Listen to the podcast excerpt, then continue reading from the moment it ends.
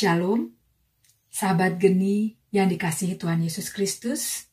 Perkenalkan nama saya Balinda, saya dari PDPKK Santo Silvester Pecatu Bali.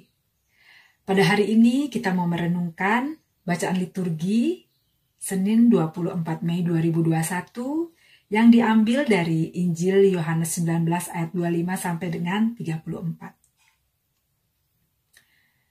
Dalam bacaan Injil hari ini merupakan detik-detik terakhir Tuhan Yesus menyelesaikan tugasnya di dunia ini. Namun, Tuhan Yesus memiliki pesan yang sangat penting kepada bundanya, Bunda Maria, dan kepada rasul yang sangat dikasihinya yaitu Yohanes. Dan kita bisa baca dalam Yohanes 19 ayat 25 sampai dengan 27. Dan dekat salib Yesus berdiri ibunya dan saudara ibunya Maria, istri Klopas dan Maria Magdalena. Ketika Yesus melihat ibunya dan murid yang dikasihinya di sampingnya, berkatalah ia kepada ibunya, "Ibu, inilah anakmu." Kemudian katanya kepada muridnya, "Inilah ibumu." Dan sejak saat itu murid itu menerima dia di dalam rumahnya. Sahabat geni yang terkasih, Bunda Maria adalah Bunda Gereja yang kita rayakan hari ini sebagai Hari Raya Santa Perawan Maria, Bunda Gereja. Bunda Maria adalah orang beriman dan anggota gereja pertama yang percaya kepada Tuhan Yesus, menjalankan firman-Nya dan taat setia. Bahkan Bunda Maria adalah orang pertama yang menerima Roh Kudus dalam dirinya. Kita mau belajar dari Bunda Maria, dari ketaatannya, dari kesetiaannya sebagai ibu Yesus. Bunda Maria setia mengikuti jalan salib Kristus putranya sampai ke Golgota.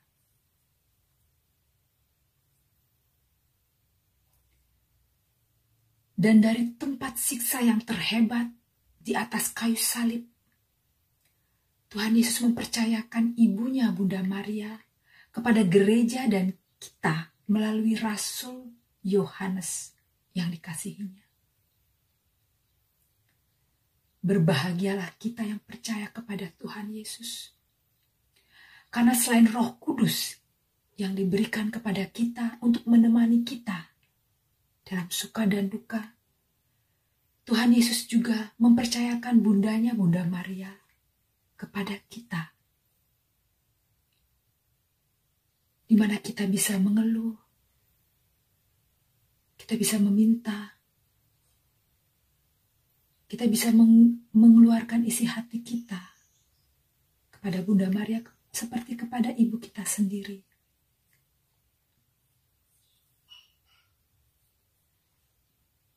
Saya adalah anak yang sangat nakal ketika saya kecil dan sering membuat mama saya menangis. Namun ketika saya mengalami keterpurukan, saya sakit.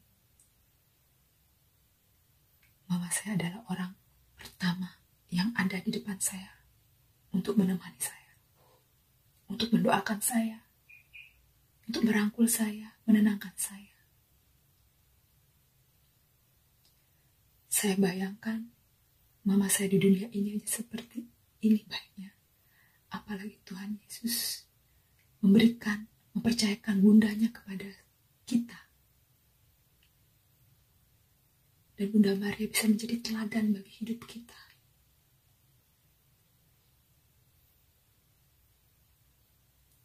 Biarlah pada saat ini kita mau bersyukur kepada Tuhan Yesus atas Bunda Maria yang diberikan kepada kita dalam doa kita.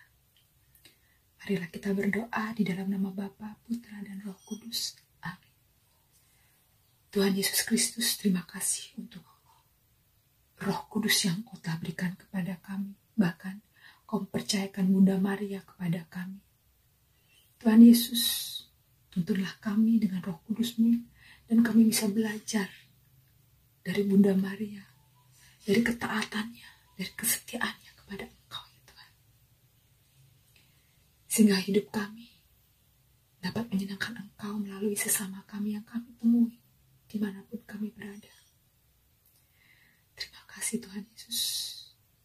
Demi Kristus Tuhan dan pengantara kami. Amin. Dalam nama Bapa, Putra, dan Roh Kudus. Amin. Terima kasih Tuhan Yesus memberkati kita semua. Amin.